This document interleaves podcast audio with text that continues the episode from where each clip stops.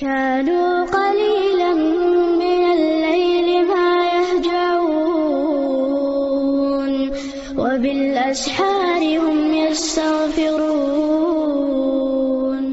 السلام عليكم ورحمة الله وبركاته. إن الحمد لله نحمده تعالى ونستعينه ونستغفره. ونعوذ بالله من شرور أنفسنا ومن سيئات أعمالنا. من يهد الله فلا مضل له ومن يضلل فلا هادي له. أشهد أن لا إله إلا الله وحده لا شريك له. إقرارا به وتوحيدا وأشهد أن محمدا عبده ورسوله. يقول الله تعالى في كتابه الكريم يا أيها الذين آمنوا اتقوا الله حق تقاته ولا تموتن إلا وأنتم مسلمون. يا أيها الناس اتقوا ربكم الذي خلقكم من نفس واحدة وخلق منها زوجها وبث منهما رجالا كثيرا ونساء واتقوا الله الذي تساءلون به والأرحام. إن الله كان عليكم رقيبا.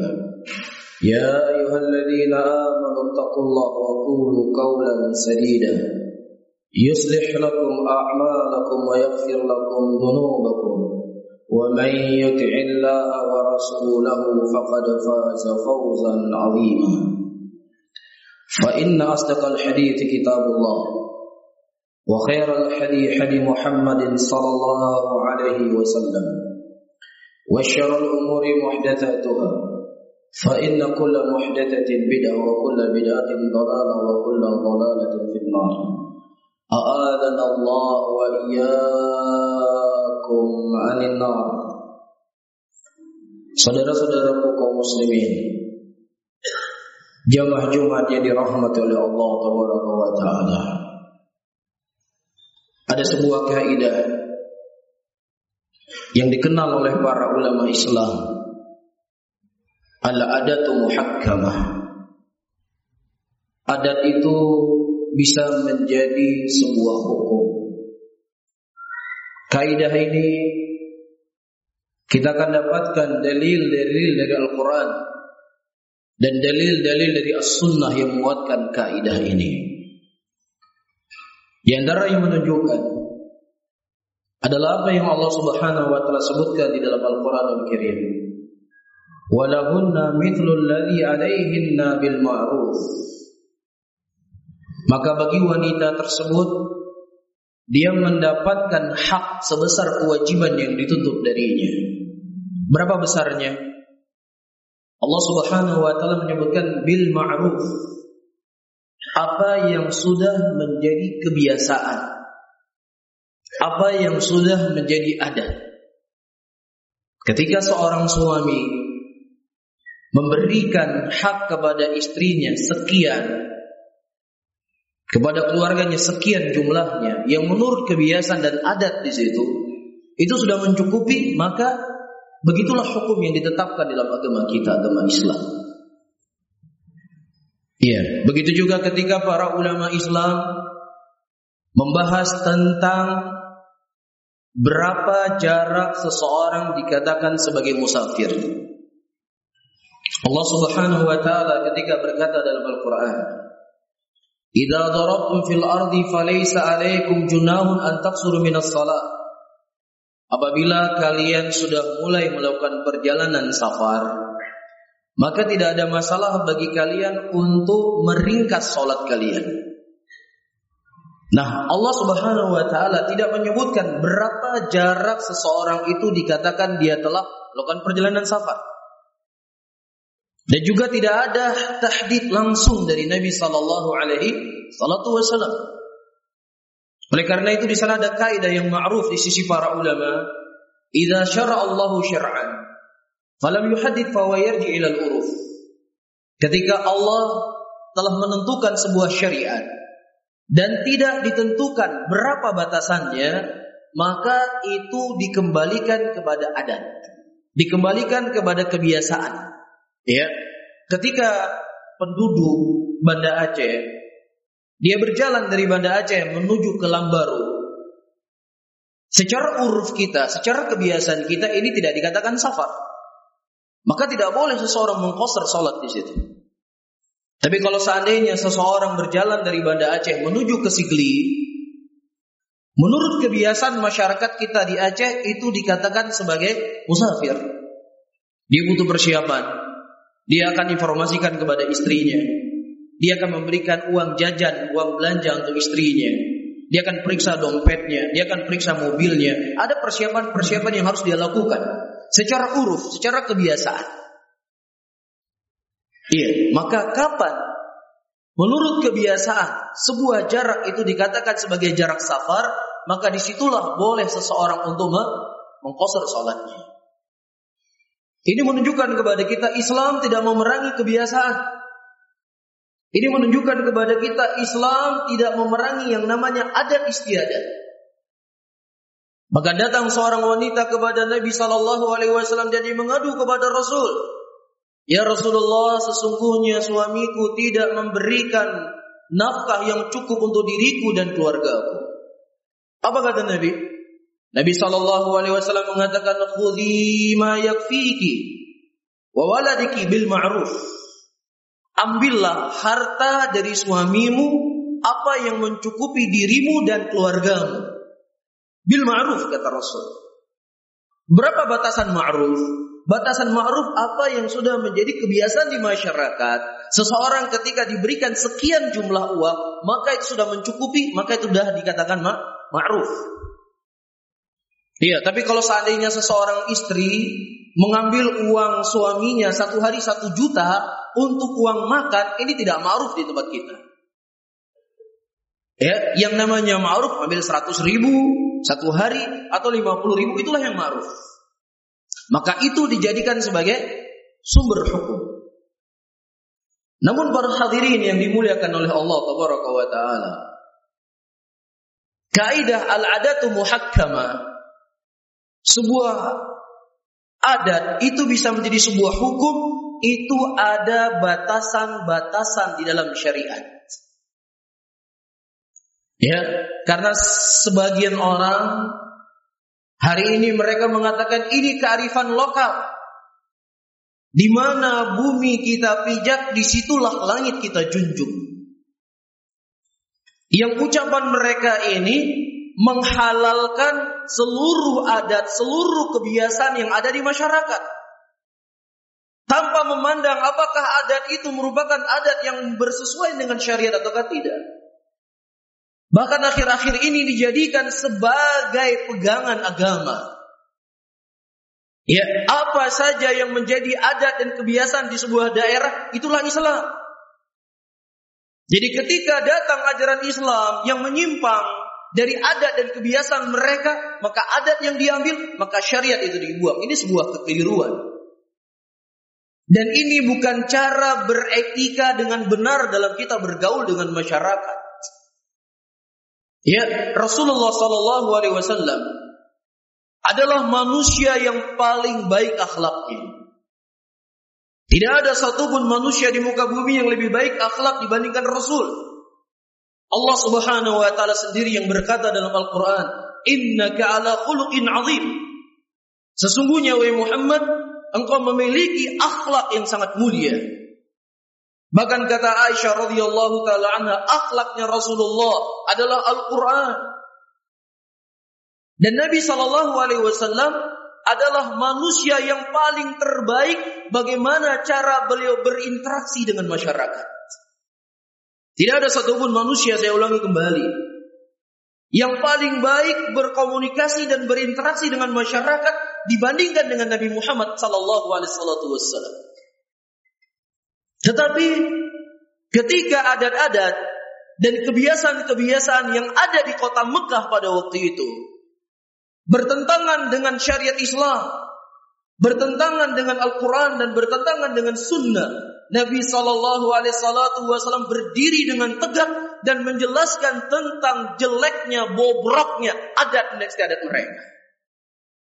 Sudah menjadi kebiasaan orang-orang musyrikin Quraisy.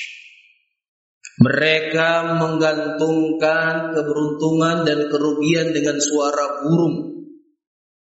Jadi kalau seandainya mereka mendengar suara burung yang tadinya hendak keluar rumah, mereka batalkan keluar rumah karena ini tanda-tanda kemalangan. Dan keyakinan-keyakinan seperti ini saudara-saudara kaum muslimin masih banyak kita dapatkan di tempat kita di Aceh ini. Iya, sebagian masyarakat di hari Jumat mereka tidak pergi ke laut. 99% mungkin nelayan tidak ada yang pergi ke laut di hari Jumat. Keyakinan mereka kalau kita pergi ke laut hari Jumat ini adalah akan memberikan kekuatan untuk kita, memberikan malapetaka untuk kita. Kalau seandainya mereka tidak pergi ke Jumat-Jumat, pergi ke laut di hari Jumat, untuk bersegera berangkat ke masjid ini bagus, ini baik. Tapi justru ketika muadzin mengumandangkan azan di hari Jumat, mereka masih di atas kapal-kapal mereka. Mereka masih dengan rokok-rokok mereka. Mereka masih dengan kesibukan-kesibukan mereka. Ini menunjukkan adat istiadat, kebiasaan itu lebih ditakuti dibandingkan kepada Allah Rabbul Alamin. Inilah yang ingin kita perhatikan. Adat istiadat yang tidak bersesuaian dengan Al-Quran. Nabi Sallallahu Alaihi Wasallam berdiri dengan tegak.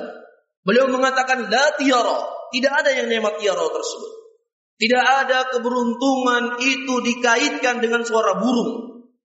Dan juga tidak ada kemalangan itu dikaitkan dengan suara burung diperangi oleh Nabi Shallallahu Alaihi Wasallam. Apakah kemudian kita berani berkata Rasulullah Shallallahu Alaihi Wasallam tidak ya menghargai kearifan lokal penduduk kota Mekah? Apakah berani kita mengatakan Rasulullah Shallallahu Alaihi Wasallam tidak berjalan sebagaimana di mana bumi beliau berpijak dan di mana langit beliau junjung? Apakah demikian para hadirin? Rasul adalah orang yang paling terbaik, saya ulangi kembali. Dan sudah menjadi kebiasaan orang-orang musyrikin Quraisy. Sudah menjadi adat istiadat mereka, sudah menjadi kebiasaan mereka, mereka paling pantang menikah di bulan Syawal. Ya, tidak ada di antara mereka yang menikah di bulan Syawal. Ini sudah jadi adat mereka. Ini sudah menjadi kebiasaan mereka. Apa yang dilakukan oleh Nabi Shallallahu Alaihi Wasallam? Rasulullah Sallallahu Alaihi Wasallam menikah Aisyah di bulan Syawal. Nabi Sallallahu Alaihi Wasallam ia mendatangi menjimai Aisyah juga di bulan Syawal. Untuk apa? Rasulullah ingin menampakkan kepada mereka orang-orang musyrikin Quraisy. Dan juga Rasulullah memberikan pelajaran untuk kita semuanya sebagai umat beliau. Kapan sebuah adat yang bertentangan dengan Al-Quran bertentangan dengan sunnah, bertentangan dengan nilai-nilai syariat, maka adat tersebut harus kita buang jauh-jauh dan Al-Quran dan sunnah yang harus kita kedepankan. Ini di antara kaidah atau syarat yang disebut oleh para ulama. Kapan sebuah adat itu bisa menjadi hukum di dalam Islam ketika adat tersebut tidak bertentangan dengan Al-Quran dan tidak bertentangan dengan sunnah. Namun ketika adat tersebut bertentangan dengan Al-Quran, bertentangan dengan sunnah, walaupun diamalkan 90% oleh masyarakat tersebut, maka itu adalah amalan yang salah dan sunnah Nabi Shallallahu Alaihi Wasallam itu harus lebih dikedepankan. Di setiap provinsi, ya, di setiap daerah di negeri kita, mereka punya adat-adat, punya kebiasaan-kebiasaan. Kalau seandainya adat dan kebiasaan itu para hadirin bisa menjadi hukum mutlak, maka tidak perlu Allah menurunkan Al-Quran. Tidak perlu Allah menurunkan Rasulnya. Tidak perlu Rasulullah diberdakwah. Karena setiap manusia mereka punya adat dan mereka punya kebiasaan mereka masing-masing di tempat mereka. Dan ketika seseorang keliru dalam memahami kaidah ini para hadirin, maka terbukalah pintu-pintu kesyirikan yang sangat banyak. Ketika manusia keliru dalam memahami kaidah ini, terbukalah pintu-pintu kemungkaran yang sangat banyak. Pada hari-hari tertentu, mereka menyembelih seekor sapi Atau mereka menyembelih seekor seekor kambing yang kemudian kepala sapi tersebut dilempar ke lautan. Ini adat, ini merupakan kebiasaan. Tidak boleh seseorang melarangnya, tidak boleh seseorang mengkritiknya, tidak boleh seseorang menyalahkannya karena al-adatu muhakkamah. Adat itu bisa menjadi sebuah hukum. Begitu juga kemungkaran-kemungkaran yang lainnya. Perkara-perkara baru dalam agama. Ini subur hari ini di tengah-tengah muslimin dengan dalih ini adat, ini kebiasaan, kita menjunjung apa yang sudah menjadi kearifan lokal para hadirin. Kalimat-kalimat inilah kalimat-kalimat yang cukup berbahaya. Syaitan dan bala tentaranya mereka memiliki satu senjata untuk menggoda anak manusia, yaitu mereka memperindah kalimat-kalimat yang seakan-akan kalimat itulah kalimat yang baik, seakan-akan kalimat itulah kalimat yang bijak. Nabi Allah Adam alaihi salam Ketika Allah Subhanahu wa taala melarang beliau mendekati pohon yang ada dalam surga. La taqraba hadhi syajarata fatakuna minadh dhalimin. Wahai Adam dan Hawa jangan pernah kau mendekati pohon tersebut karena dengan kau mendekati pohon tersebut engkau akan menjadi orang-orang yang zalim. Ketika seseorang mendengar pohon yang dilarang oleh Allah Subhanahu wa taala untuk mendekat, pasti orang akan merasa khawatir, merasa takut. Pohon ini pohon yang pasti jelek. Pohon ini pasti pohon yang buruk. Pohon ini pasti pohon yang tidak bagus. Pasti orang akan punya pandangan seperti itu. Tapi subhanallah, bagaimana iblis laknatullah alaih menggoda Nabi Adam alaihissalam dengan diubah kalimat yang jelek tadi dengan kalimat yang baik. Ya Adam, hal adulluka ala syajaratil khuldi wa mulkin la yabla. Wahai Adam, Maukah kutunjukkan kepada engkau wahai Adam sebuah pohon abadi? Ya, jadi pohon yang kedengarannya angker. Ketika Allah melarang untuk mendekati pohon tersebut, diganti oleh iblis dengan kalimat apa? Pohon khuldi, pohon abadi, dan kerajaan yang tidak pernah hilang. Nabi Adam alaihissalam sebagaimana disebutkan oleh Al Imam Nawawi karena hebatnya syaitan iblis bermain bahasa, beliau lupa kalau Allah melarang mendekati ya pohon tersebut. Begitu juga pada hari ini. Ya pelacur. Seseorang ketika mendengar kalimat pelacur adalah kalimat yang menjijikkan. Tetapi ketika diganti PSK, dengarannya apa? Kedengarannya lebih enak. Seakan-akan bukan sebuah dosa. Iya, Ketika seorang perempuan, anak perempuan kita, ya dia punya teman laki-laki. Kalau teman laki-laki itu dikatakan sebagai teman tidurnya, orang tua mungkin akan merasa benci. Tapi diganti, ya pacar anak saya. Begitulah syaitan dan bala tentaranya. Menggiring dan mempermainkan manusia. Dan di antara permasalahannya apa yang telah kita sebutkan tadi. Kearifan lokal. Di mana bumi kita pijak, di situlah langit kita junjung. Dua kalimat ini menghalalkan segala pecah perkara. Dua kalimat ini menghalalkan kesyirikan kepada Allah. Dua kalimat ini membolehkan menyembelih kepada selain Allah. Dua kalimat ini membolehkan untuk kita beribadah kepada selain Allah Rabbul Alamin. Oleh karena itu para hadirin dan hadirin yang dimuliakan oleh Allah Tabaraka wa taala, berhati-hatilah. Kita hidup di dunia ini hanya sebentar. Tidak lama lagi kita akan dicampingil oleh dipanggil oleh Allah Rabbul Alamin. Sementara syubhat, asyahwat, jalan-jalan yang menggiring kita ke dalam kesesatan begitu banyak. Maka tentunya tidak ada pertolongan yang harus kita minta tolong kecuali hanya kepada Allah Rabbul Alamin. Dan selanjutnya dan yang terakhir saudara-saudara kaum muslimin. Sudah menjadi kebiasaan dan adat. Manusia selalu menginginkan adanya keamanan untuk dirinya. Manusia ingin selalu mendapatkan ketentraman untuk dirinya. Ya, bahkan hewan sekalipun yang tidak punya akal, mereka menginginkan adanya keamanan dan ketentraman dalam kehidupannya. Oleh karena itu saya ingatkan sebuah hadis yang datang dari Nabi sallallahu alaihi wasallam. Man asbaha minkum amanan fi sarbihi wa muafa fi jasadi wa inda qutu yaumih fa ka'annama huizat lahu dunya. Barang siapa yang seseorang mendapatkan keamanan untuk dirinya dan keluarganya pada hari itu. Sehat badannya. Dan dia memiliki makanan yang cukup dimakan satu hari. Kalau seandainya kita tidak bekerja di besok hari, tidak ada makanan yang bisa kita makan. Tetapi kalau seandainya ada makanan yang menjamin kita bisa hidup sampai besok satu hari, apa kata Rasulullah?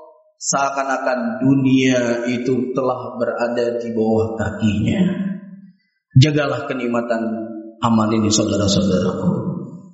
Ya, tutup telinga kita provokasi-provokasi di luar sana. Ya, yang mengajak kepada perbuatan-perbuatan yang terkadang sesuatu yang ingin kita dapatkan belum tentu akan kita raih, tetapi kemudorotan, kemudorotan itu pasti akan terjadi bagi kita. Sudah cukup negara Yaman sebagai contoh. Sudah cukup negara Libya sebagai contoh. Sudah cukup Suria sebagai contoh. Bersyukurlah dengan nikmat yang telah Allah berikan untuk kita ini. Dan jauhi hal-hal dan perkara-perkara yang dengannya Allah mencabut keamanan pada diri kita. Kita ingin melihat anak-anak bermain-main di sore hari. Kita ingin bisa sholat, bisa sujud kepada Allah Rabbul Alamin. Jangan sampai perbuatan-perbuatan konyol kita. Kesemangatan-kesemangatan tanpa dibarengi dengan ilmu dan pijakan-pijakan yang jelas dalam agama justru kerusakan demi kerusakan yang akan kita dapatkan. Barakallahu li wa lakum fil Qur'anil azim wa nafa'ani wa iyyakum bima fi wa ayatil takrim. Fataqabbalallahu minni wa minkum innahu samii'un 'aliim.